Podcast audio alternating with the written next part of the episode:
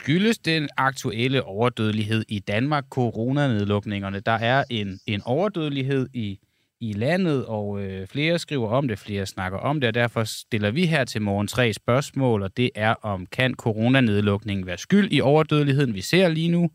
Er de overbelastede sygehus en konsekvens af overdødeligheden, og var det forkert at lukke landet ned? Vi snakker med Christian Kanstrup Holm, professor ved Institut for Biomedicin på Aarhus Universitet. Vi snakker med Tyre Grove Krause, faglig direktør for epidemiologisk infektionsberedskab på Statens Serum Institut, og vi snakker med Peter Velblund, sundhedsordfører i Enhedslisten. Men nu har vi dig, Christian Kanstrup Holm, professor ved Institut for Biomedicin på Aarhus Universitet. Så forsker du også i luftvejssygdomme. Godmorgen. Godmorgen. Ja, vi ser jo den her overdødelighed. Statens Serum Institut registrerede 62.133 dødsfald i 2022, hvilket er en stigning på næsten 9 procent i forhold til de foregående år. Overdødeligheden den fortsætter i 23 og rammer især de ældre. Kan øh, årsagen til det her øh, findes i øh, coronanedlukningerne? Jeg vil starte med at sige, at vi ved jo ikke uh, helt vildt meget om, hvad årsags uh, effektsammenhængen er her. Så hvad kan man sige, hvad end at os, der bliver interviewet, kommer til at sige her i vores program, mm. så er det jo gidsninger. Det skal man lige uh, holde fast i. Så det er et bedste bud, der jo kan ændre sig, hvis der kommer nye oplysninger. Sådan er det med, med sådan noget. Sådan er det. Uh, men det er bare lige for at få præmissen uh, på plads fra starten af her. Så spørgsmålet lyder så, uh, kan nedlukningen have noget at gøre med det her? Øh, ja, det kan det jo godt. Øh, der var jo en del, blandt andet mig selv, derude og sige, jamen, hvis vi lukker samfundet ned på den her måde, så vil det have nogle, nogle konsekvenser omkring øh, immunitet, øh, som man kan gætte på, som vi dog ikke vil kende omfanget af. Og så sagde vi også, at og sandsynligvis så vil der være en masse effekter af det her, som vi slet ikke vil kunne spå om. Mm. Så vi har aldrig prøvet at lukke verden øh, ned på den her øh, måde før. Øhm, så hvis man går tilbage til det med immunitet, så er argumentet her, jamen, at vi bliver dagligt i et normalt fungerende samfund ligesom eksponeret for de typer af øh, sygdomsfremkaldende mikroorganismer, der er i nærmiljøet, og dem opretholder vi en vis form for modstandskraft øh, ved, ikke? Ligesom hvis man skal løbe, øh, hvis man løbetræner hver dag, jamen, så kan man godt holde til at løbe. Hvis man så i en periode overhovedet ikke træner, så er det mega hårdt lige pludselig at løbe 10 km. Så det, det er sådan argumentet bagved. Det giver øh, mening, og så kan man så sige, at i Danmark, der, øh, hvis vi skal blive den analogi der, der fik vi ikke løbetrænet så meget under corona, fordi vi lukkede landet ned. Et andet ja. land, hvor man øh, måske fik løbetrænet lidt mere, det er i lande som Sverige. Hvordan ser ja. overdødeligheden ud i et land som Sverige?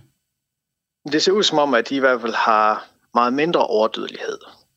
Nu skal man også passe en lille smule små med, med at måle det her overdødelighed præcis, for det er baseret på nogle matematiske modeller, mm. som, og selvfølgelig, som er, er anvendelige, men selvfølgelig har nogle øh, svagheder. Men overall ser det ud som om, at Sverige har en væsentlig lavere overdødelighed, end, end vi har i Danmark, og i øvrigt også i det meste resten af Europa. Og nu har vi de her overbelastede øh, sygehus, det har vi jo haft i noget tid, og snakken har, har kørt længere, og sygeplejersker og læger råber op. Er de her overbelastede sygehus en konsekvens af overdødeligheden? Det ved jeg ikke nok om, til jeg kan udtale mig om. Jeg, jeg ved ikke præcis, hvorfor de har så mange øh, folk på akutafdelingen. Det ser ikke ud som om, at de medicinske afdelinger er lige så presset. Mm. Så det vil jeg helst ikke udtale mig om. Øh, det kan der være flere årsager til. Et andet spørgsmål. Jeg ved, at vi bliver skudt i skoen, hvis ikke vi stiller af, af, af visse dele af Danmark. Det er, hvis vi ikke laver en eller anden form for kobling til vacciner og stiller spørgsmål om, hvorvidt vaccinerne kan spille en rolle i overdødeligheden. Som professor ved Institut for Biomedicin på Aarhus Universitet, hvad svarer du så til det spørgsmål? Ja, først og fremmest synes jeg, at det er ærgerligt, at det er et kontroversielt spørgsmål. Fordi mm. selvfølgelig er det et spørgsmål, der skal stilles og som skal undersøges.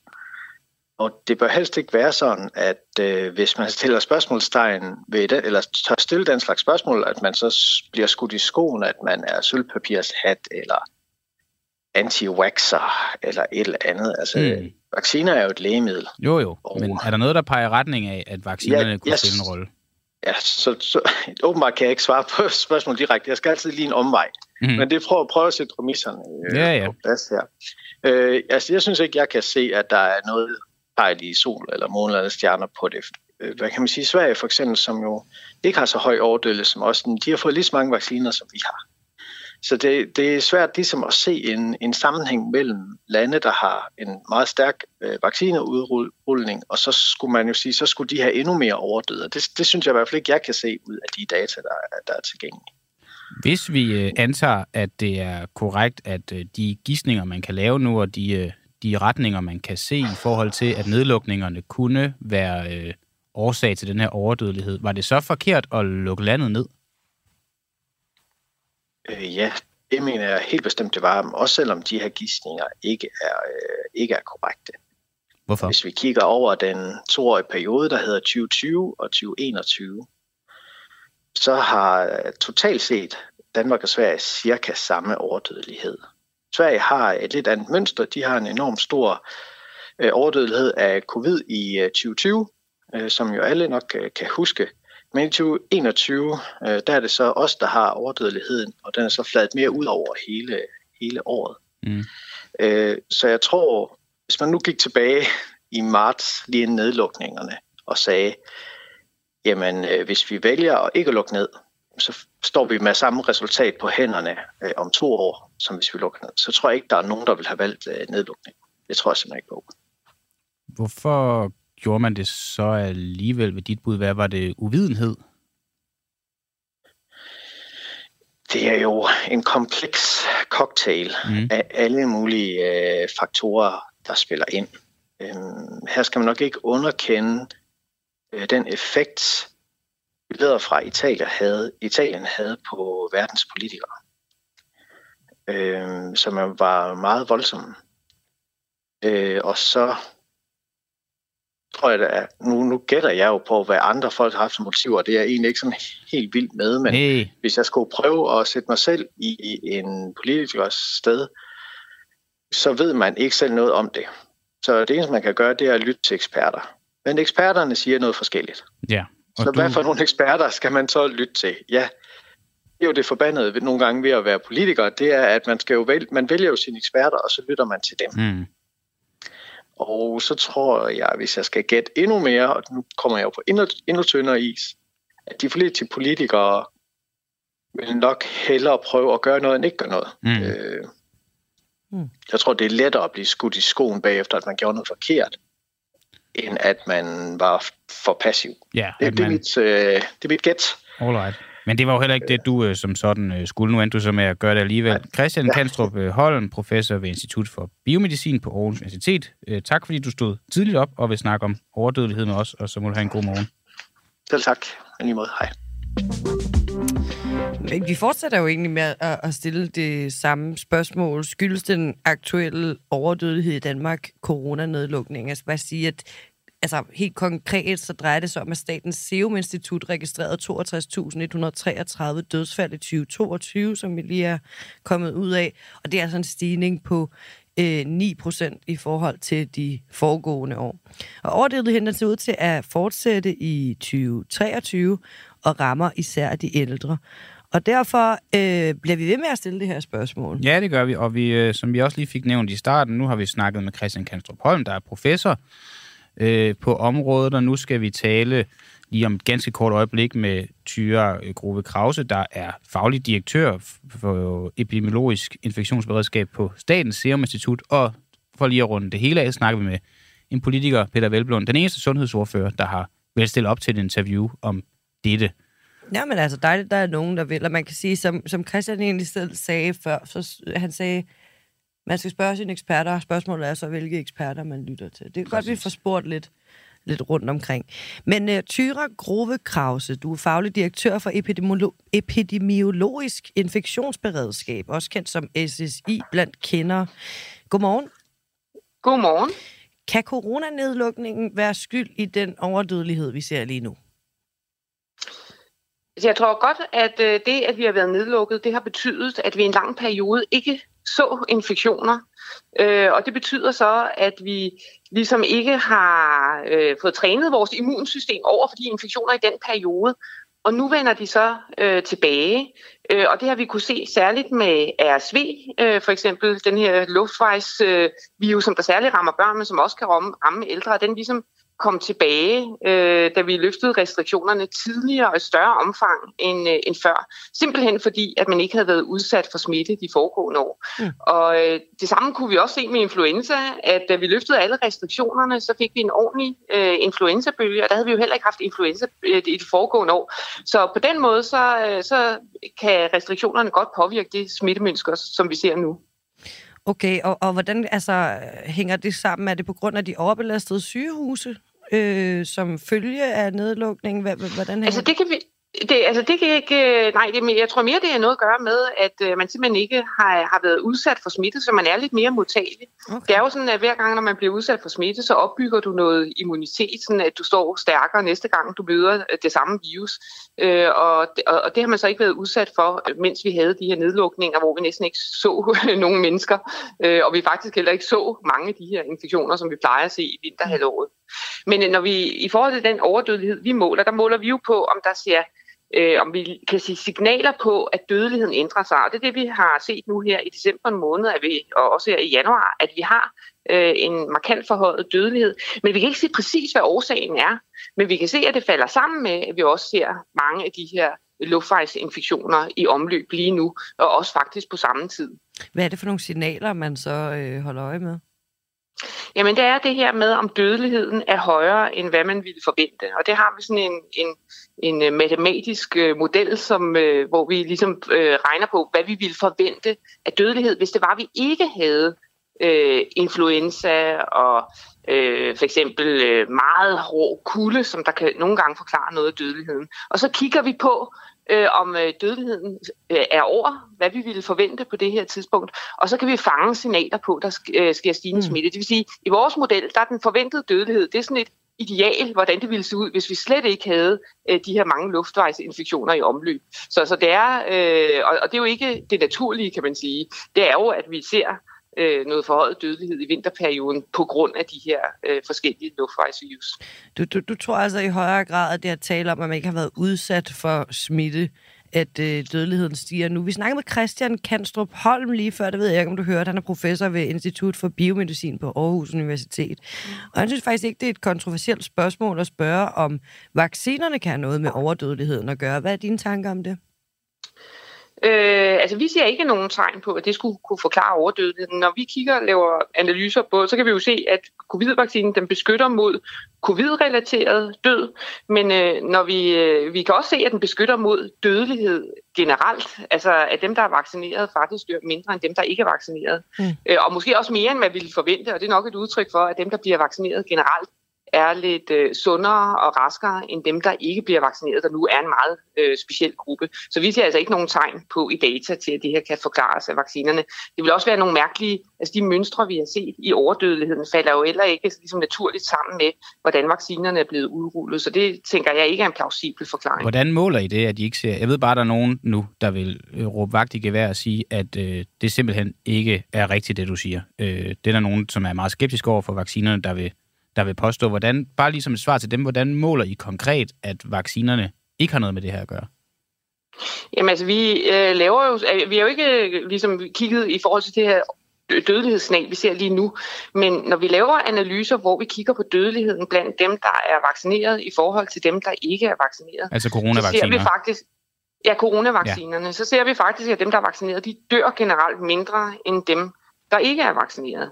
Øh, og også mere end hvad man ville forvente var hmm. effekten af vaccinerne, som nok er udtryk for, som jeg sagde, at dem, der bliver vaccineret, øh, de generelt er øh, raskere og sundere i forvejen, end dem, der ikke bliver vaccineret. Så det er ligesom det generelle mønster, vi ser. Og så ser vi jo altså også, at vaccinerne giver en rigtig god beskyttelse imod den corona-relaterede dødelighed. Øh, og så, så, så man kan sige, når nogen, der kommer og siger, at det er vaccinerne, der er skyld i det her, så kunne jeg godt tænke mig at se de data, der peger på, at, øh, at det er vaccinerne, der, der er skyld ind. Dem har jeg ikke set. Tyra, øh, med, med alt det, vi har talt om nu, øh, var det så forkert at øh, lukke landet, hvis man spørger dig? Nej, det var det rigtige at gøre på det tidspunkt. Øh, altså man kan sige, generelt er vi jo kommet rigtig godt ud af pandemien øh, i forhold til dødelighed, øh, når man også sammenligner os med alle mulige andre lande i Europa. Og der tror jeg også, at nedlukningen det, det, det har været et vigtigt element i, i det, at vi kom igennem den her første øh, periode med, med lige der, da corona ramte os, hvor vi ikke havde immunitet overhovedet i befolkningen. Øh, så det var det rigtige at gøre. Men det er da rigtigt nok, at vi, det har også haft nogle konsekvenser, kan vi se nu, på, på, på smitten med, med andre infektioner, der ligesom nu vender tilbage, og måske lidt hårdere, fordi vi ikke har været udsat for smitte med dem i den periode. Øh, så der har selvfølgelig været nogle afledte konsekvenser af, af coronanedlukningen, men det var det rigtige at gøre på det tidspunkt, af min vurdering. Tyra Grove Krause, faglig direktør for epidemi- epidemiologisk infektionsberedskab. Jeg ved ikke, om du har lige så svært ved at sige det, som jeg har, når du introducerer dig selv. Øh, jeg har lært det efterhånden. tak fordi du var med. Ha' en god dag. I lige måde. Hej. Og så fortsætter vi lige en sidste gang i øh, samme spor, denne her gang med en af de politikere, der sad inde på borgen og var en del af magten under de her coronanedlukninger. Fordi man kan sige, nu har vi snakket med en forsker, nu har vi snakket med nogle af dem, der måler det, og nu skal vi så snakke med nogle af dem, der har ansvaret for det. Det skal jo lige tilføjes, jeg har kontaktet i går alle sundhedsordfører i øh, hele Folketinget, og det er altså kun Peter Velblom, der har ønsket at, at svare på det her spørgsmål. Om det siger noget konkret om noget som helst, det det ved jeg sådan set ikke, men jeg synes altid, det er bemærkelsesværdigt, når man, når man kun kan få Hvad sagde de andre? På. Altså, svarede de overhovedet? Eller hvad ja, men det er bare den samme mølle med, enten det er desværre ikke muligt, eller jeg har ikke tid, eller bla bla bla. Ja, altså, okay. der, det var ikke, der var ikke nogen, altså det skal man jo så også sige, der var ikke nogen, der som direkte på den måde sagde, at øh, overdødelighed, det vil jeg bare overhovedet ikke snakke om. Men det er, det er jo vigtigt blevet, for mig, det var der ikke nogen, der sagde. Nej, det var ikke nogen, der sagde, men det er jo blevet, altså, det er jo bare en, en stor samfundsdebat øh, lige nu, overdødelighed, også fordi ligesom med corona, der jo er en eller anden form for faktuel sygdom, endte med at blive så øh, holdningsbaseret et emne, så er den her overdødelighed her også blevet det. Mm. Og øh, så længe der ikke er nogen, der har nogen sådan konkrete svar på, hvad overdødeligheden skyldes, det kunne vi jo høre på, på, på de kilder, vi har haft med indtil nu, så er det noget, folk de har holdninger og egne teorier omkring. Peter Velblund, sundhedsordfører for Enhedslisten. Godmorgen. Godmorgen. Kan coronanedlukningen være skyld i overdødeligheden, vi ser lige nu? Øh, det tror jeg ikke. Altså, det synes jeg ikke, der er meget, der tyder på. Altså, den, øh, mm. den overdødelighed, vi, øh, vi, øh, vi ser nu, øh, baserer sig jo blandt andet på, på de øh, øh, hvad hedder, stigninger, vi har set både i forhold til, til, øh, til, til RS-virus og, og covid-19 og influenza A og B. Øh, og det er klart, der kan jo godt være en sammenhæng i forhold til, at den nedlukning, der har været, har i hvert fald betydet, at, at de... Øh, øh, varianter, der, der har været af, af influenzaepidemi, at, øh, at der er større øh, gennemslag der. Så, så selvfølgelig er der en sammenhæng, men, men, men altså man kan sige, øh, det vi oplever nu er jo, øh, hvad vi ligesom kan, kan forvente, der kommer til at ske øh, på bagkanten af en epidemi. Det forstår jeg ikke helt. Du siger, at du tænker ikke, det har noget med nedlukningen at gøre, men øh, selvfølgelig er der en sammenhæng. Det er sådan mm. lidt øh, både ja og nej. Øh, vi har lige ja. talt med Christian Kanstrup Holm, der er professor i biomedicin, og vi har talt med Tyre Grove Krause fra Statens Serum Institut, som, som jo faktisk siger, at, øh, at det er overhængende sandsynligt, at coronanedlukningerne, fordi at man har, har brudt en eller anden form for naturlig immunitet, godt kan være skyld i, i overdødeligheden. Men du er ikke lige så sikker, som de er, kan jeg så høre. Hvad er det, du baserer øh, dit jo. svar på? Men, men det er jo fordi, at der, jeg tror, at det er fuldstændig rigtigt, at der er en sammenhæng. Altså det, mm. at, at der har været nedlukning, har betydning for, øh, hvilket virusbillede vi ser efterfølgende. Men, men altså man kan sige, når man skal reducere overdødelighed, så handler det jo ikke kun om, øh, hvad er der i omløb af, af virus i samfundet, så er det jo også et spørgsmål om, hvordan øh, man håndterer det. Og, og der synes jeg, at, øh, at, at den måde, vi har øh, øh, haft opmærksomhed i forhold til, til både øh, RS-virus og influenza og B, øh, i, altså især på plejecenterne, det er jo i meget høj grad der, vi har set, der har været en, en, øh, en overdødelighed. Øh, at der kunne man da godt have haft en, en større opmærksomhed og, og været villig til også at, at afsætte flere ressourcer til, at man kunne arbejde i, i, øh, i mindre teams, altså mere personale og, øhm, og også større øh, fokus på, på udluftning og ventilation.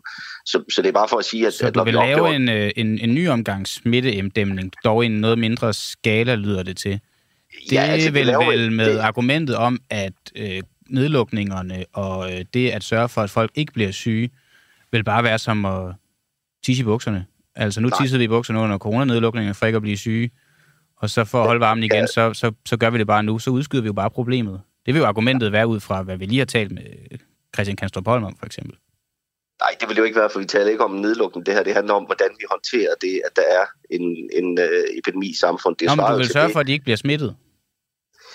Ja, det er jo klart, altså det, og det er jo det, vi, øh, det, er jo det, og det er jo det, problemet har været, det er, at de ikke har været smittet. De har ikke fået en eller anden naturlig immunitet, og nu vil vi så sørge for igen, at de ikke bliver smittet, og så, så er risikoen vel bare, at de så bliver endnu mere syge senere hen. Det kommer an på, hvem det er, der bliver smittet, mm. fordi øh, altså det, vi oplever nu, er jo også, at, at virus er blandt os, og for langt de fleste af os, øh, så er det jo, øh, altså influenza A og B er jo, ikke, mm. øh, er jo ikke livstruende, men det er det jo nogle steder, altså for eksempel på plejecentre. Mm. øh, er det jo livstruende, og det er jo det, der gør, at der er en overdødelighed. Så det er jo ikke fordi, at, at virus øh, på den måde er, er, er farlig, men, men det er klart, at det har en betydning for, for overdødeligheden også på, på plejecentrene. Øh, og der er der jo mulighed for at tage tiltag, som, som kan reducere den, den overdødelighed. Øh, det betyder jo ikke øh, ret meget for, for den generelle smitte øh, i, øh, i samfundet, men det betyder noget for, at, øh, at der er nogle sårbare, som, som vi kan beskytte imod det. Ja, det er jo de ældre, der dør øh, primært øh, i den her overdødelighed her, og dem, der repræsenterer det. Du siger selv, der er lidt run på på plejecentrene, der er især også run på på sygehusene. De er overbelastet, de råber vagt i gevær, det har de gjort i lang tid nu. Øh, ja. Tror du, øh, den her nedlukning her, som har brudt vores immunitet, kan være en del af årsagen til øh, overbelastede sygehus? Altså den, så i virkeligheden, at om overdødeligheden er en del af årsagen til de overbelastede sygehus? altså, der er jo ikke nogen tvivl om den, altså, den belastning, der er lige nu på, på akutafdelinger. Øh, altså, nu er det jo heldigvis sådan, nu ser det ud som om, at, at, øh, at de luftborne infektionssygdomme er, er, på, er på retur nu, altså så, så epidemien ikke bliver så voldsom. Men det er da klart, det er jo med til at, at øge belastningen på, på akutafdelingen, og det er også derfor, min pointe er sådan set, at ja, undskyld, det min, pointe, min pointe er sådan set, at, øh, at det, det er jo naturligt nok, at vi ser øh, en stigning i de luftborne infektionssygdomme på bagkant af, af epidemien. Mm. Men det betyder ikke, at vi ikke kan håndtere det. Altså, det er vel ikke på, bag, omfang, på bagkant af epidemien, det er vel på bagkant af nedlukningerne? Ja, det er klart. Altså, det er jo det, at, at, øh, at det, at vi har haft nedlukninger, har mm. også betydet, at der ikke har sket en, øh, at vi har set en, en kraftig øh, reduktion i, i influenzaepidemien også. Øhm, så det, altså, det kan vi godt sige, at det er på bagkant af, af nedlukninger, ja. men, men det er nok ikke på, at det ikke er noget, vi vil kunne håndtere. Altså det at forebygge indlæggelser ved at have et øget fokus på øh, at begrænse smitten på, på plejecentrene ved at have mere personale, ved at have fokus på, på udluftning og ventilation, på, øh, på rengøring det lyder dyrt. Øh, og hygiejne. Det lyder dyrt. Hvor har du de penge fra? Nej. Nå ja, men det, det har, altså, hvis du ser på den belastning, der er sundhedsvæsenet, hvad det har omkostninger, mm. at, øh, at vi har et øget belastning på, på, på akutberedskabet, så er det jo en større udgift end, end det at kunne lave øh, forebyggende initiativer. Altså så dyre forebyggende initiativer heller ikke. Hvad koster det? Ja, det har, vi har, jo spurgt efter, om, øh, om regeringen ikke havde en plan for, hvordan man kunne håndtere det. Mm. Øhm, og man kan sige, at under corona, der havde vi jo øh, åbne kasser i forhold til, at, at kommunerne kunne øh, ansætte mere personale. Mm. Øh, så, så altså, selvfølgelig kan man gøre det, øh, og det er jo et spørgsmål om, øh, hvad man vil investere i og, og redde menneskeliv. Øhm, men men øh, og der, altså, udgiften er jo, ikke, øh, er jo ikke overhængende. Men det er klart, øh, det er Nej. også derfor, vi har foreslået, at, øh, at kommunerne kunne blive kompenseret for de udgifter, de måtte have til, mm til, til mere personale, til, til øget fokus på, på hygiejne og rengøring, udluftning og ventilation. Men, øh, men, men det er da klart, det vil, øh, det vil også være med til at aflæse den, øh, den belastning, der er på, på akutafdelingerne, om end det ikke vil løse det hele langt fra. Den samtale, vi har lige nu om overdødelighed og belastning og øh, de initiativer, du vil have iværksat for, at ældre ikke skal blive syge, fordi at de jo bare kvæg nedlukninger har en dårlig immunitet nu, den, øh, den har vi jo, fordi vi lukkede landet ned. Øhm, og man ser jo ikke de samme tendenser, i hvert fald i samme grad i, i Sverige. Så det spørgsmål, der ligger man nærliggende og stiller, som vi også har stillet alle de andre, det var, om det i så fald var forkert at lukke landet ned, når vi nu sidder med de her konsekvenser på bagkant. Nej, nej, det synes jeg ikke, det var. Øh, altså, det er klart, der er elementer af nedlukninger, man kan diskutere. Øh, Kunne man have undgået eksempel, overdødeligheden, hvis vi havde undladt at lukke landet ned i den grad, der vi gjorde? Men jeg tror bare, at altså, det, man skal være opmærksom på i forhold til, til, til corona, det var jo, at, øh, at det, man på daværende tidspunkt skulle undgå, det var jo den eksponentielle stigning i smitten, mm. øh, som kunne have temmelig dramatiske konsekvenser, altså både i forhold til antallet af døde, men, men også i forhold til belastning af sundhedsvæsenet. Men Sverige havde ikke under coronapandemien som, som sådan højere dødelighed, end vi havde herhjemme i Danmark, men de havde en helt anden form for nedlukning. Nu ser vi her på bagkant af nedlukningerne, at vi har en markant højere dødelighed, end de har i Sverige. Det koster ved Gud også en hel masse penge at have så mange syge mennesker, der kræver så meget behandling. Så når man sammenligner med for eksempel et land som Sverige, så kunne jeg godt tænke mig alligevel at få dig til at forholde dig til en gang til, mm. om det var forkert at lukke landet ned i den grad, der vi gjorde. Nej, det synes jeg ikke. Og det, jeg synes også, altså man kan heller ikke sige, i Sverige, det er jo ikke fordi, altså, de var ikke nedlukning på den måde, men at det ikke havde konsekvenser for det svenske samfund. Altså det havde det jo i den grad for samfundsaktiviteten. Det var bare en anden form for nedlukning. Og hvis man ser på dødeligheden mm. øh, i de første måneder i Sverige, øh, også på, på plejecentre og, og på sygehus, så lå den jo markant over. Okay. Så det har været en anden måde at håndtere det på. Ja. Men, men der er jo ikke nogen anden, hvor man kan sige, at, at corona ikke har haft betydning for samfundsaktivitet og for dødelighed. Okay. Øh, og jeg synes sådan set, at den måde, øh, vi, vi håndterede det på i Danmark, øh, i forhold til netop at beskytte øh, de ældre og sårbare og, og sundhedsvæsenet og undgå, at man fik en gigantisk bølge af smitte, øh, med, med de risici, der, det vil medføre, det synes jeg sådan set var, var, var fornuftigt. Alright. Peter Velblund, sundhedsordfører for Enhedslisten. Tak fordi du var tidligere oppe i dag. Selv tak. Nu skal I høre her, de danske landsbilschaufførers brancheorganisation, Danske Vognmænd, de raser over, at regeringen har bedt EU om at få et årstal for, hvornår fossile lastbiler skal være forbudte at sælge. Derfor er det da oplagt at stille spørgsmålet, modarbejder de danske vognmænd egentlig den grønne omstilling, som man gå ud fra, at altså, målet er fremme med spørgsmålet om, hvornår vi ikke må sælge øh, diesellastbiler, mm. for at sige det øh, lidt.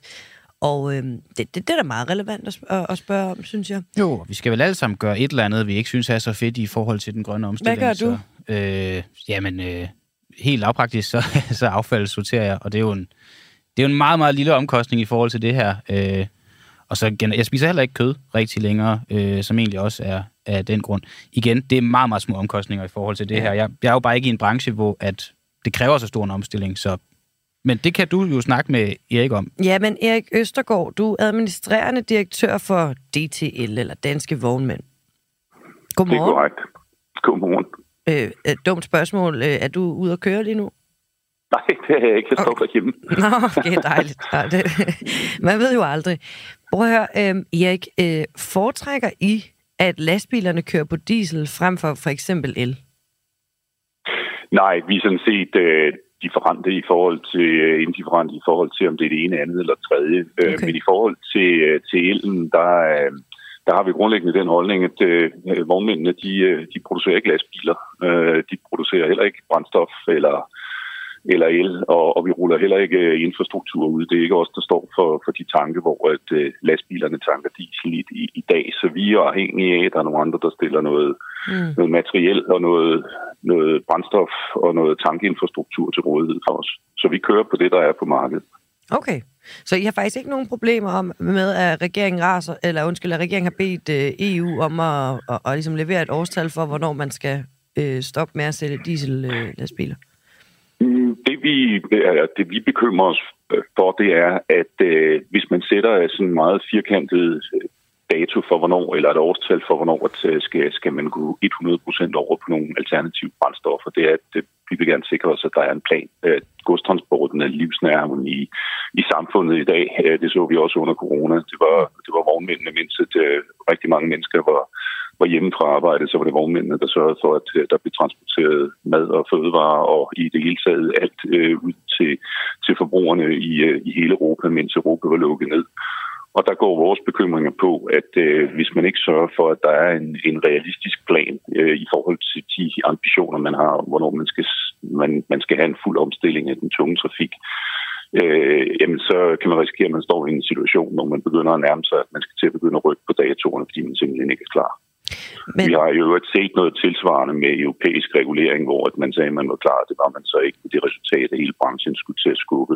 Det var blandt andet i forbindelse med, med indførelse af den digitale takograf. Men er det ikke lidt led i en ambitiøs plan at finde ud af, hvornår det ligesom er, at man skal have klaret problemerne?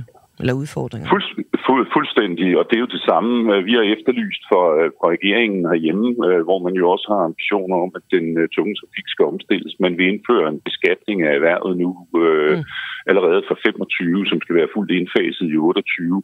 Og der siger man, jamen det er med henblik på, at øh, man, skal, man skal fremme, at, øh, at der kommer en, øh, en omstilling til, til, til alternative brændstoffer og alternative øh, biler, men problemet er bare, at øh, der, er ikke rigtig, der ligger ikke rigtig nogen plan for, hvordan skal den her infrastruktur så være rullet ud. Altså vi er jo i en situation i dag, hvor at vi har brugt, siden man opfandt forbrændingsmotoren, så har vi brugt til andet år på, på at gå, gennemgå en industriel revolution, øh, der gør, at vi kan vi har hentet olie op, vi har raffineret det, vi har distribueret det, og, og uanset hvor du kører rundt øh, øh, ude på landet, så kan du som regel finde en lille landsby, hvor der er en ubemandet tankstation, der kan, øh, der, hvor du kan tanke diesel. Og, og, og det, der er behov for fra vognmændenes side af, det er jo, at du har et nogenlunde lige så finmasket net, i dag, øh, hvor der er tankinfrastruktur. Mm. Det er en problemstilling. Den anden problemstilling, det er, at vognmændene kører under nogle meget, meget stramme øh, køre-hviletidsreguleringer, der gør, at, at øh, lastbilen helt skal være produktiv øh, i det tidsrum, den kan køre.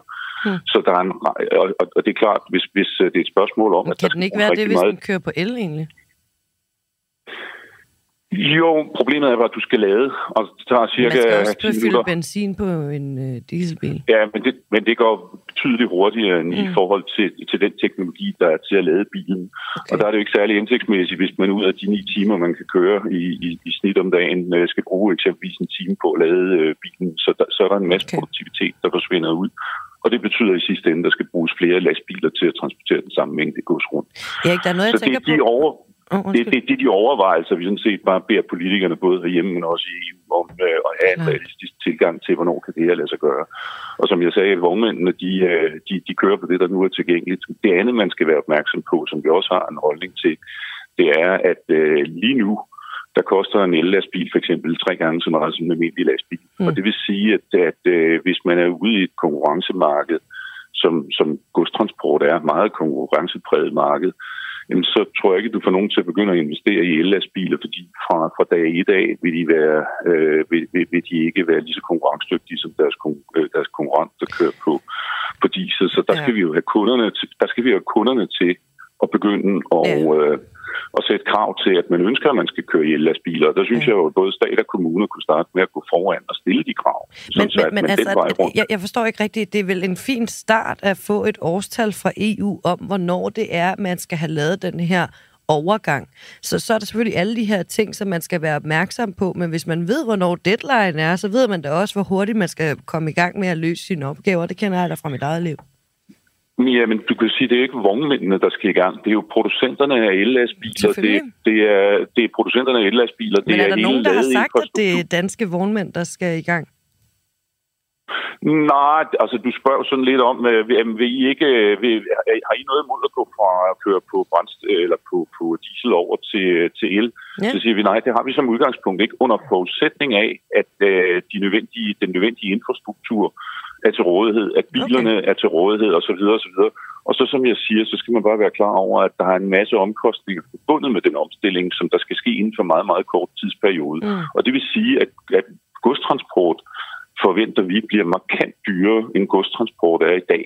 Ja. Og så skal man bare være klar over, at, at øh, det er jo i sidste ende noget, der kommer til at ramme øh, både øh, virksomheder og i sidste ende forbrugerne to ting, øh, eller en ting her til sidst. Altså, hvornår er, øh, hvad hedder det, øh, hvornår er om meget kort tid for jer?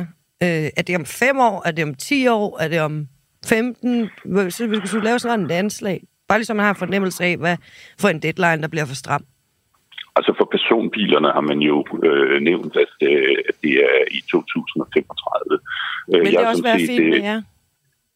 Nej, men jeg siger, om det er 35 eller 40, det, jeg efterlyser, det er, at der er en klar plan for, hvor, hvor, hvor vi kommer derhen, i stedet for at man bare slynger en, et tilfældigt årstal ud, og så viser det sig øh, efter nogle år, at det er fuldstændig urealistisk, fordi man ikke kan få infrastrukturen op at stå, eller okay. der simpelthen ikke er den strøm nødvendig, eller den strøm tilgængelig, som man skal bruge, eller at ladenettet simpelthen ikke øh, kan udskiftes hurtigt nok. Men Erik, I kender, så, jo, ikke, I kender jo ikke årstallet, så du ved jo ikke, om det, man, det er bare et eller andet øh, årstal, Nej, men, mit, ud. men, men altså mit eget bud på den omstilling, der efterlyses her, det er, at det her det kommer det kommer til at være en gradvis, øh, en gradvis øh, udfasning ja. over en periode, der minimum kommer til at tage øh, 20-30 år.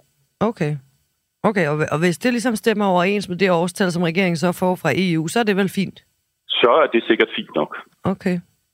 Tak fordi du var med, Erik Østergaard, øh, administrerende direktør for DTL Danske Vognmænd. Kan du have en dejlig dag herfra? I lige måde. Tak. Hej. Vi er i et øh, stramt spor i dag. Der er mange kilder, mange historier, meget spænding. Jeg kan også se, at der er godt gang i kommentarfeltet inde på fedt. Facebook. Ja, i den grad, at man sådan lige husker at holde den, øh, den gode tone. Det er bedst. Det, det er fedt, og det er bedst, hvis den gode tone bliver, bliver holdt. Så det, det, det vil vi bare lige give videre som en lille opfordring. Why not? Hvorfor ikke tale pænt? Og så er der jo kampvalg lige om lidt til næstformandsposten er i Nye Borgerlige. Også, øh, det kan også godt være, at vi kører det lidt op nu, at det er jo bare en næstformandspost, men der er jo ikke nogen formandskandidater, så nu må vi, må vi tage, hvad vi kan få. Nej, Lars Bøge er den eneste, der ligesom er opstillet som formand. Ja, der er ikke der nogen er... modkandidater, ja. Men der er masser af kandidater til næstformandsposten. Du godeste, ja, det er der. Der er faktisk, øh, der var til at starte med øh, seks. Så er øh, Kim øh, Edberg så øh, gået, øh, han har trådt øh, sig fra og siger, at øh, der er... Øh, det, det skal ikke blive sådan et, et hul om high show. Der er så mange nu, at øh, det behøver jeg ikke. Det var i hvert fald okay, en udtalelse, jeg så fra, fra ham. Til, men fint nok. Øh, og vi har så forsøgt, vi vil gerne have faciliteret en debat, vi vil gerne have lavet kampvalget her i studiet. Øh, jeg har skrevet rundt til alle øh, næstformandskandidaterne. Den eneste, der havde lyst til at medvirke, det er dig, Rune Bønnelykke, så øh, velkommen til din debat. Tak skal du have. Og godmorgen. Og godmorgen, ja. Godmorgen. Hvad er det, dine modkandidater prøver at skjule, siden de ikke vil stille op?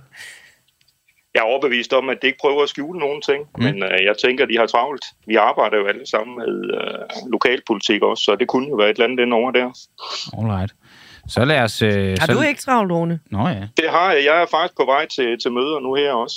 Men jeg er så heldig, at jeg kunne sove en halv time længere, så det passer lige. Nå. Sådan. Allerede et skridt bagud, når du lige sover en halv time længere, Rune. Nej, jeg er jo ikke bagud, fordi nu stod jeg jo faktisk op og så tog interviewet her med jer. okay. Og vi skal heller ikke på den måde øh, gå kritisk til, til din kalender, selvom det Jamen, egentlig det, også det kunne være spændende. Det skal I være velkommen til. Ja, jeg har flere spørgsmål med, at lade dem ligge. Ja, okay. Lad os se, om der er tid i den anden ende. Øh, lad os gå til dig som næstformandskandidat, øh, Rune Bønnelykke. Du skriver, øh, at I skal være store nok til at suspendere uenigheder for at komme i mål. Hvilke aktuelle uenigheder ser du gerne suspenderet? Jamen, når jeg siger det, så kan det jo være både politisk, og det kan være internt også. Mm. Øh, og når vi siger det politisk, så er det jo, hvis vi skal have noget igennem, mm. jamen så skal man også være, være parat til at suspendere noget. Altså man må være parat til at tage nogle kompromiser. Afgive sin egen holdning. Ikke afgive sin egen holdning. Et kompromis er jo sådan set, at begge parter afgiver noget for mm. at komme i mål, som egentlig gavner alle sammen, ikke sandt? Så det vil bare sige, at alle skal være klar til at give lidt af, hvad de øh, selv øh, mener? Eller sådan, øh... Det kommer selvfølgelig helt an på, hvad det er, vi, øh, vi sidder og diskuterer og taler om. Ja. Det er klart. Ja, ja, klart. Vi skal jo heller ikke være bange for at stå imod og sige nej, men det jeg mener er, at vi samtidig også skal være store nok til at kunne suspendere de her øh, uenigheder for at komme i mål. Ikke også? Og så siger du også øh, internt, Jamen internt er jo, øh, vi, vi fagner jo lidt bredt. Vi fagner jo som sagt fra, øh, fra den nas, øh, nationalkonservative side over til, til den liberale også. Og der, øh, der er jo også nogle små ting af til. Men det synes jeg, vi har håndteret utrolig godt de sidste fire år. Øh, Rune, øh, øh, hvad hedder det? Hvilken øh, aktuel uenighed er du villig til at give dig i? Altså, hvad, er der noget, du er uenig med øh, resten af partiet Nye Borgerlige Nej, jeg er ikke uenig med noget i Nye Borgerlige. Jeg siger bare, at vi skal være klar på, hvis der er noget, det er egentlig det, jeg mener. Nå, okay, men altså, der er, er ikke noget. for det. Ikke, at jeg kan se PT, nej. Er du øh, uenig med Lars Bøje i noget som helst? Nej, nu kommer Lars jo til at træde til som formand her den, øh, den 7. i næste måned, og så øh, lægger han jo ud med den nye linje og strategien, og så tager vi den derfra. Så, men jeg men du er ikke uenig om, med ham i noget som helst? Altså, alle politikere kan være uenige om nogle ting. Men og det hvad er, jo så uenige det... om? ja, det, der kan jeg ikke lige sidde og trække en enkelt sag ud nu her. Du må godt tage flere. ja, det, det tænkte jeg nok. Nej, nej, det kan jeg ikke. Nå, er det fordi, det vil skade din position at sige, hvad du er uenig med formanden i? Nej, jeg synes, hvis jeg skulle trække noget ud, så skulle jeg lige have set igennem, om det nu også er det rigtige. Fordi, øh, som vi siger, politik, der sker jo en masse ting og sager. Nå, men du kan godt sige, at du er enig med ham, uden at se det igennem. Nej, Nej, det var ikke helt det, jeg sagde. Ej. Jeg sagde, at der kan være nogle emner, hvor man kan være uenig. Rune, grund til at spørge det, fordi der har været enormt øh, øh, bemærkelsesværdigt stormvær i Nye Borgerlige, hvor flere har forladt partiet på baggrund af ja. den nye formand. Øh, det er derfor ja. det er relevant at spørge, om du bare... Øh, ja. du, man må forstå, at du bakker op om formanden, men den nye linje, der har været kritiseret for af, øh, af tidligere ungdomspolitikere, at være sølvpapirhatisme, af mm. tidligere pressechef for at være mm. tiltrække kontroversielle øh, skeptikere, er det noget, du køber ind på? Nej, nu vil jeg sige, et, som du selv siger, så er der jo meldt ud, der har været nogle uenighed, øh, uenigheder omkring det her forløb. Men personligt kan jeg jo ikke udtale mig om det her handlingsforløb, for jeg har jo ikke siddet med ved det bord her, så det kan jeg jo ikke tage stilling ved, eller tage stilling til. Og så vil jeg jo også sige, at det, Hvorfor ikke? bliver lidt... forstår ikke. Ja, men hvis du øh, skal kunne tage stilling til noget, så er du jo nødt til at have hele historien med, og det mm. har jeg ikke. Jeg har jo ikke andet end det, som I har lagt ud i, i pressen også. Nå, der, men altså, jeg tænker ikke på sådan en konkret samtale, hvis du henviser til mm. den samtale, der var mellem mm. Mikkel Bjørn mm. og øh, Lars Bøge Mathisen, der fik Mikkel Bjørn mm. til at forlade partiet, fordi han følte sig troet til at bakke op mm. om formanden. Jeg tænker mere på den øh, linje, som Lars Bøge Mathisen repræsenterer, har været under kritik fra tidligere pressechef Lars Kåber, der var med til at stifte partiet, mm. og øh, flere øh, medlemmer af Ungdomspartiet. Faktisk nærmest hele strukturen i Ungdomspartiet har også trukket sig af den grund. Og nu spørger ja. du ind og det, så, så, så kan man sige, at der skal jo heller ikke have nogen tvivl om min politiske linje. Jeg er jo nationalkonservativ med en liberal tilgang, hmm. og det er jo egentlig det, jeg kæmper lidt for, hvis det er det, du spørger ind til. Nej, det er det ikke. Altså, jeg spørger ind til, om du bakker op om uh, Lars Bøge Mathisen, og uh, kan, mm. har forholdt dig til, at han af flere mm. bliver kritiseret for at tiltrække skeptikere af, af systemet, mm. og måske lidt mere præcist i højere grad være at repræsentere en protestlinje end en parti, der ønsker indflydelse i Folketinget. Jamen, det er jo egentlig også lidt det, som man kan sige, at næstformanden skal træde til og supplere øh, formanden på nogle områder, kan man sige. Hvad er det for nogle områder? Der er jo det, Jamen, det kan jo være, om du trækker mere i den liberale retning, eller du trækker mere i den øh, nationalkonservative. Og det er jo det, vi fagner bredt. Mm. Lars er selvfølgelig liberal, og han er liberal i mange ting. Og det synes jeg også, der skal være plads til. Men derfor er der jo også næstformandskabet, som måske kan være med til at præge det på en måde, så vi holder lidt mere den her retning, som vi har i dag. Når det så er sagt, så skal der være plads til, at man betræder nogle nye stier. Jeg synes bare, man skal holde den kurs, der er lagt fra start af. Hmm. Øh, bare lidt spørgsmål i forhold til dit politiske ståsted. Kan man godt være øh, medlem af Nye Borgerlige, hvis man er imod et burkaforbud? Det er det liberale og det nationalkonservative, der møder hinanden her. Er du klar? Ja. kan man det? Ja. ja, det kan jeg da ikke se noget problem i. Kan man godt være næstformand?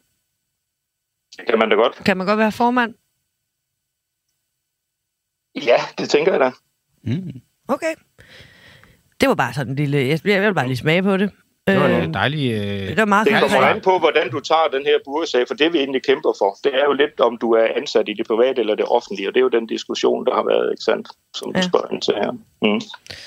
Jamen, øh, jeg synes, det var det mest konkrete svar, vi fik, øh, Rune Bønelykke, men tak fordi du vil ligesom træde ind i debatten om partiet, der er i stormvær, og øh, Altså, jeg Ej, nu skal vi jo lige sige, at vi er jo ikke, vi er jo ikke under afvikling. Vi er jo i en udvikling. Nej, stormvær og afvikling er jo ikke det samme. Nej, nej, det er jeg glad for, at du siger. Den skulle vi lige have med. Det. Ja. Men uh, lad os se, hvor det ender. Tak fordi du var med. Jeg håber, vi snakkes ved en anden gang. Det kan du tro, vi gør. Tak for det. God dag til jer. Tak. Godt valg. Farvel. Ja, tak. Godt. Hej. Farvel. Nå, der er nyt i sagen om fieldskyderiet. Psykiatrisk Center Amager, som vi her på Frihedsbrevet har altså afdækket både den her sag og så det her område, øh, øh, undskyld, altså Psykiatrisk Center Amager, som øh, den formodede gerningsmand til tyveriet var tilknyttet, har nemlig af Styrelsen for Patientsikkerhed fået kritik i form af flere påbud.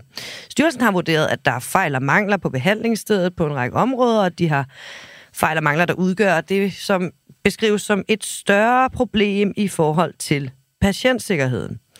Øh, tilsynet med Psykiatrisk Center Amager fandt sted i november, bare lige for en god ordens skyld, og undersøgelsen den blev indledt på baggrund af to bekymringshenvendelser, blandt andet en mail fra en meget bekymret ansat på Psykiatrisk Center Amager, der tre dage efter skyderiet i Fields skrev til ledelsen af Region Hovedstadens Psykiatri, at der var et muligt svigt af den formodede øh, gerningsmand, øh, der, der, der kan have let, må man jo så gå ud fra, til, øhm, til episoden. Nå, men det er jo en sag, som vi har fulgt tæt her på Frihedsbredet, som du, Magnus Mio, som sidder inde i studiet nu, har, øh, har dækket. Godmorgen.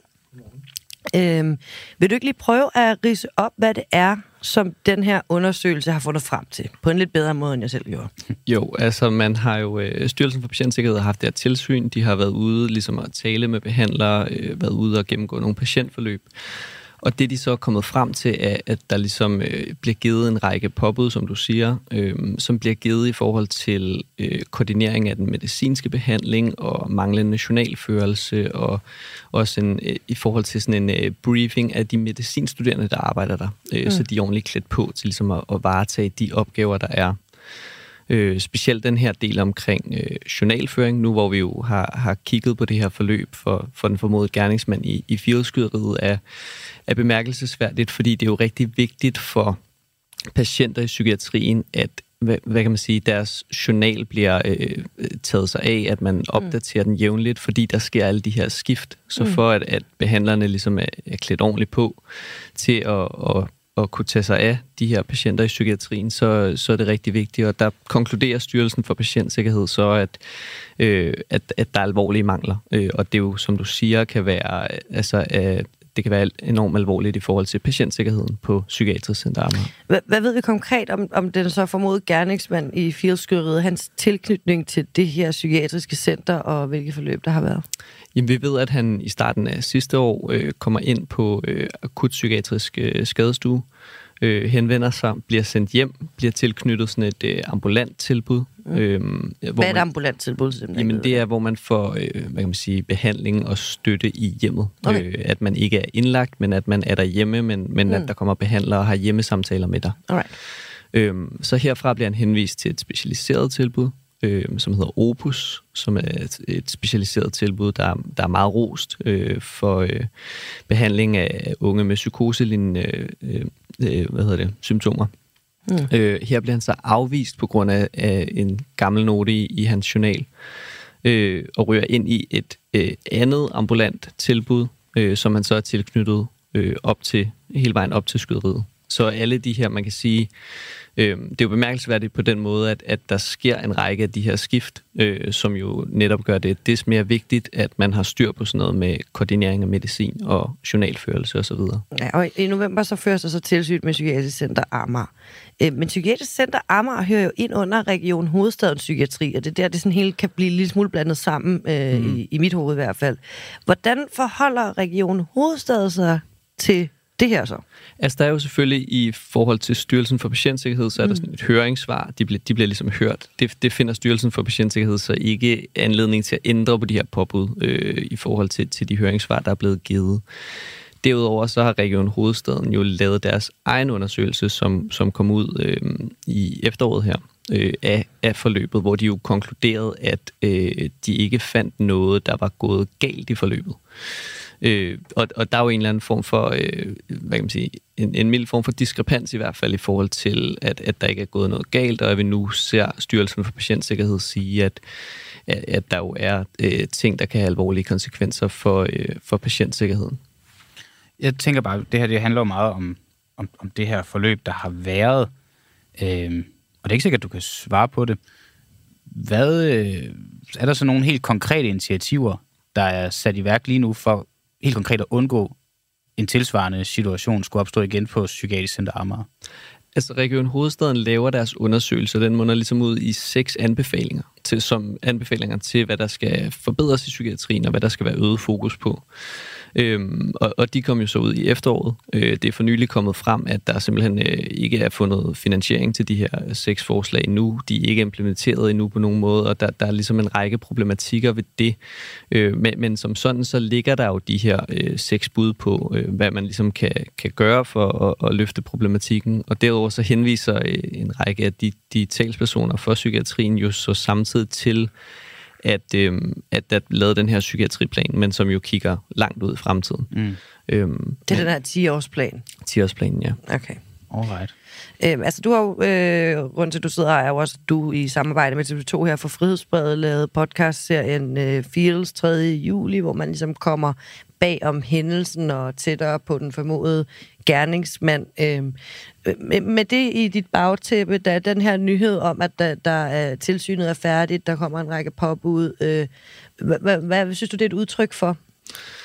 Jeg vil sige, det, jeg, jeg tror ikke, det efter at have gennemgået øh, det her forløb og, og kommet helt tæt på det i podcasten, som du nævner, så, øh, så er det ikke nødvendigvis så overraskende for mig, at, at der kunne være nogle udfordringer på Psykiatrisk Center Amager. Det er også noget af det, vi har sat fokus på i, i vores øh, dækning sammen med TV2 øh, hvor, hvor vi jo også øh, er gået tæt på det her psykiatriske center, hvor at, at der er nogle øh, store udfordringer, som personalet beskriver, gør øh, hverdagen rigtig hektisk og, og svær at være i.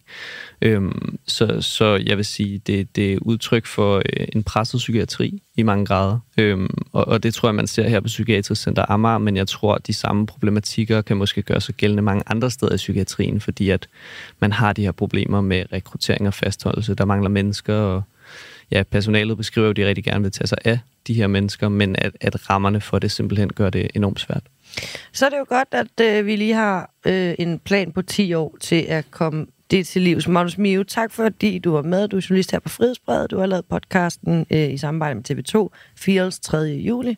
Tak fordi jeg måtte komme. Øh, jamen altså, kom igen en anden gang. Ja, kom i morgen, hvis du har lyst. Ja, og nu skal vi så tale om noget, noget helt, helt andet. Jamen, der er gang er i den i dag, en, må jeg sige. Det er en morgen i alle øh, verdens øh, hjørner, eller ikke verdens, men i alle Danmarks hjørner. Vi, vi kommer hele paletten rundt. Ja, det, det kan man sige. For at sige det på sådan en rigtig øh, god øh, Godmorgen Danmark øh, lingo. Det er nemlig rigtigt, Christian. Ja, og hvad skal vi videre til nu? Ah, det er måske ikke noget, man skal... Øh, okay. Skal stealthing gøres ulovligt? Øh, stealthing, det er for mig et sådan relativt øh, nyt begreb, men det... Øh, er noget, man er begyndt at tale om, efter at en række kvinder, der har oplevet stealthing, altså at mænd har fjernet kondomet under samlejet. Nu er det kommet på dagsordenen, og Dansk Folkeparti og Enhedslisten vil have det her stealthing gjort gjort strafbart. Jeg må indrømme, jeg kendte ikke rigtig Ej, til altså udtrykket det, det er, før. når man fjerner kondomet under seksuel samleje, når man gør det, selvom at vedkommende sexpartner, mand eller kvinde, har bedt om, at, at vedkommende har kondom på. Ja, har bedt om det, og, I så, og så bare fjerner det uden... Uden at sige noget, ja, uden, og uden at håbe at blive opdaget. Præcis. Formentlig. Og Julie Stage, du er forsvarsadvokat hos SKS Advokatfirma, og ja. øh, du, øh, du siger, at der er øh, noget, noget... Det er ikke helt uproblematisk at, at gøre det her ulovligt. Kan du beskrive et scenarie, hvor et forbud mod stealthing ikke er godt? Altså, jeg ved ikke, om man kan øh, sige, at øh, øh altså, at det er stealthing, der ikke er godt i, i specifikke scenarier. Jeg tror, det er problemstillingen. Ja, jamen, jeg mener også, altså det jeg mener er, at, at, at man skal jo også kunne øh, håndhæve et forbud. Øh, og øh, de fleste af sådan nogle sager kunne man jo øh, godt forestille sig, at øh, der ikke er, er vidner øh, til, øh, til, til, hvad skal man sige, den såkaldte lovoverskridelse. Det er jo meget, jeg tror, det vil være meget svært for anklagemyndigheden at løfte bevisbyrden i de her sager øh, med håndfaste beviser, og derfor så øh, falder du let tilbage på øh, forklaringerne i sagen. Mm. Øh, og det er svært øh, at afgøre sådan sager, hvor at du har to forklaringer, der står over for hinanden, og det skaber jo øh, øh, retssikkerhedsmæssige problemstillinger. Og øh, er vel generelt et retssikkerhedsmæssigt, en retssikkerhedsmæssig problemstilling, uanset lovgivning? Øh, altså det, det, jeg mener, når jeg siger øh, retssikkerhedsmæssige øh, problemstillinger, så er det jo, øh, at, at, at det er et problem at finde ud af, øh, om det er sket. Altså jeg mener, øh, altså, retssikkerhed, det, det, det er jo noget, man forbinder med øh, domsafsigelse. Altså, øh, altså, mener du, at, at det, som foregår, altså stealthing er problematisk i samfundsmæssig forstand? Spørger du mig om det? Nej, altså, Nå, jeg forstår okay. ikke dit spørgsmål, når du, du mener, altså, at det er retssikkerhedsmæssigt pro, øh, problematisk lige meget hvad. Jeg mener, altså, der, jeg vil, der, vil altid, om... der vil altid i lovgivning en risiko for, at en uskyldig kan blive dømt. Og øh, i retssager er der jo altid ord mod ord. Øh, altså, altså den noget... risiko skulle jo helst være meget lille. Mm, jo, det øh, og det er klart, at, den, at det er klart, at, at når du har sager om øh, økonomisk kriminalitet, hvor du har meget håndfaste beviser, så øh, kan man jo nok, øh, eller typisk med, med nogen større sandsynlighed, øh, altså man, man er jo ret sikker, altså man, Men, man øh, ja. Jamen, skal man så lade være med at lovgive på området, altså, øh, og så øh, bare lade det være lovligt? Jeg tror, hvis man skal lovgive på området, at man skal tænke sig godt om, hvordan man øh, formulerer sådan en bestemmelse. Det man tror jeg, at øh, mange vil være enige med dig i. Øh, jeg husker også, Julie, at øh, du øh, tidligere også var ganske nyligt har øh, forholdt dig til den øh, nye samtykkebaserede voldtægtsbestemmelse, også kendt som samtykkeloven, den har også ført til, at uskyldige øh, bliver dømt, har det i hvert fald problematiseret. Jeg bliver nødt til at spørge, øh, øh, altså, for det første, øh, er der love, hvor folk ikke risikerer at blive uskyldigt dømt? Altså, øh, straffeloven er jo en lov. Øh, og, øh, er der love, hvor folk ikke risikerer at blive uskyldigt dømt? Øh, det, det er nok øh, svært at sige ja eller nej til. Altså, en eller anden risiko er der jo altid. Ja. Øhm, okay. Det er jo det er, fordi, det er ren spekulation, det du spørger om. Øhm, altså, nej, det, i, det, i, teo- det, det i teorien... Ikke, i teorien vil det selvfølgelig teknisk altid være muligt, men forskellige typer af bestemmelser inden for samme lov, som er straffeloven, vil jo være øh, affattet på en måde, så øh, bevisbyrden altså, typisk vil være forskellig øh, mm. i forhold til, om det er håndfaste beviser, du, øh, du ligesom fremlægger fra en klagemyndigheds mm. side, eller om dine beviser hovedsageligt består i en forklaring. Og det er klart, hvis du har noget videoovervågning af noget, så har du en ret stor bevissikkerhed, øh, hvorimod du har to forklaringer fra personer, der er modstridende og ingen håndfaste beviser, så øh, skaber du mere bevis usikkerhed. Ja, desværre. Skal det at desværre betyde, at dem, der bliver udsat for et overgreb, ikke skal have muligheden for at gå rettens vej? Øh, altså som jurist har jeg ikke nogen retspolitisk holdning til, om man skal øh, lave en bestemmelse om stealthing. Det jeg har en holdning til, det er, øh, hvordan bevisførelsen i sådanne sager skal øh, være, og hvad der skal kunne føre til en dom. Mm. Okay, så det du i virkeligheden siger, det er, at du har ikke nogen holdning til, at man skal lave den her øh, lovgivning, men hvis man skal lave den, så skal man lave den godt. Man skal lave den, øh, sådan så at risikoen for øh, justitsmord bliver mindst mulig. Tror du ikke, at det er folk, der udfatter, øh, udformer den her lovs interesse, øh, ligesom det er din? Øh, det synes jeg er sådan et lidt specielt spørgsmål. Altså, mm. vi har jo haft en, øh, vi har en samtykkelov, øh, som er øh, blevet vedtaget af Folketinget, øh, og øh, øh straffelovrådet, de anbefalede, øh, 9, 10 ud af 11 medlemmer anbefalede en frivillighedsbaseret øh, bestemmelse, og Folketinget vedtog en samtykkebaseret øh, bestemmelse, øh, som kun én øh, anbefalet. Øhm, så øh, mm. altså, det, det, det er jo ikke altid det, som man bliver rådet til øh, eller den øh, formulering af bestemmelsen, mm. som man vælger at gennemføre. Øh, så så øh, det, jeg vil håbe, at man, øh, man lytter til, øh, til, til de øh, sagkyndige anbefalinger, man får fra Folketingets mm. side. Fordi en ting er, at man synes, at en bestemmelse lyder god på papiret. En anden ting er, at den skal jo også fungere nede i retten. Ja, klart. Og nu, det hele altså bliver også... praksis. Ja, ja, ja. Og når vi diskuterer det på den her måde, så bliver det selvfølgelig også lidt ukonkret, fordi at du siger, det er ikke helt uproblematisk, og man skal tænke sig godt om. Så hvis vi sådan skal prøve at være lidt konkrete på det, hvordan mm. kunne man lave en lov omkring stealthing, der øh, vil kunne fungere, der vil kunne i højere grad sikre retssikkerheden, end, end det du er ude at kritisere lige nu? Øhm, ja, ja, det er jo meget kompliceret. Typisk vil du nedsætte et udvalg, der skal kigge på, hvordan du skal konstruere det her. Jeg er mm. ikke sikker på, hvis man skal gøre det her, det skal være et forbud mod stealthing. Øh, altså, hvis, det er jo fuldstændig, du kan jo anvende den fuldstændig analog. Det Rosa Lund, hun siger, det er, at hvis man har samtykket til et samleje med beskyttelse, altså i det her tilfælde kondom, og det så bliver taget af, så, så er så samtykket ikke længere gældende. Men, men, men analog anvendelse af, af den tankegang øh, indbefatter jo også, at hvis en kvinde siger, hun tager p-piller, og manden samtykker samtykker til et samleje, under forudsætning af, at hun tager p-piller, og hun ikke gør det, så bør det jo også være ulovligt. Så burde man jo lave en, en, en præventionslov. Men det kunne man jo øhm, godt gøre. Det er jo da ja. egentlig et meget god, øh, god idé, det der. Øhm, vil det, men, men, men vil det ikke skabe de samme problemer, bare den anden vej? Jo, nu, jeg tror, at når man laver sådan en bestemmelse, så skal man jo først og fremmest have et formål og man skal beslutte, hvad er det, vi beskytter mm. øh, borgeren imod. Ikke? Og hvis det er, øh, hvad skal man sige, præventionsovergreb, hvis vi nu skal kalde det, så skal man nok lave en præventionsbestemmelse. Øh, øh, Men ja, mm. når man sætter sig ned og laver sådan en bestemmelse, hvis man siger, at den skal være samtykkebaseret, så render du jo ind i nogle af de samme problemer, som vi har i påstand mod påstandssager. Ja. Og nu er det jo ikke alle sager, inden for overgreb, voldtægt, krænkelser, der er påstand mod påstandssager, det skal vi lige huske. Nej, nej. Men vi ved jo, at der er en andel af dem, der er. Og det er klart, der skal man jo gøre op med sig selv. Er det det, man vil? Altså vil man have en bestemmelse, hvor at man også, øh, altså, hvor, hvor at, at vi kan rende ind i de samme problemer, mm. som vi har set mm. med samtykkeloven? Men hvorfor risikerer færre at blive dømt i, øh, blive uskyldigt dømt i sådan en præventionslovgivning, som du her foreslår?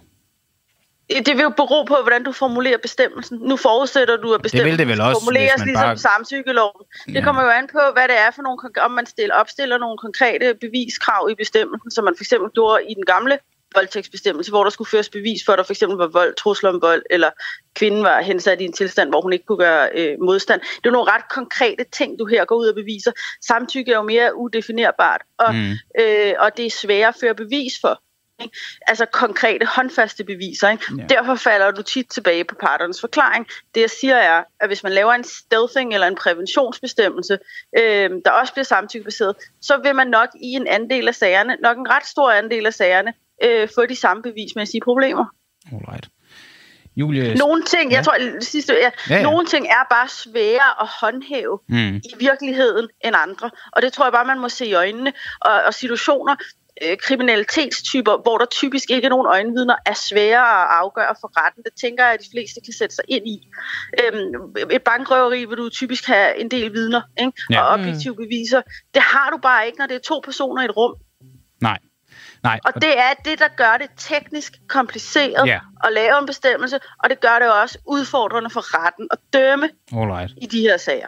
Tusind Alright. tak, Julie Stage, forsvarsadvokat hos SKS Advokatfirma for den nuancering. God dag. Ja, tak. Hej. Og det var øh, alt for en uafhængig morgen her til morgenklokken. Den er 8. Regien, ja. Oliver Nobenau, Leo Peter Larsen. Ja. Sidste dag med Leo Peter Larsen. Sad. Hurra for ham, og Peter Svarts har sammensat det hele.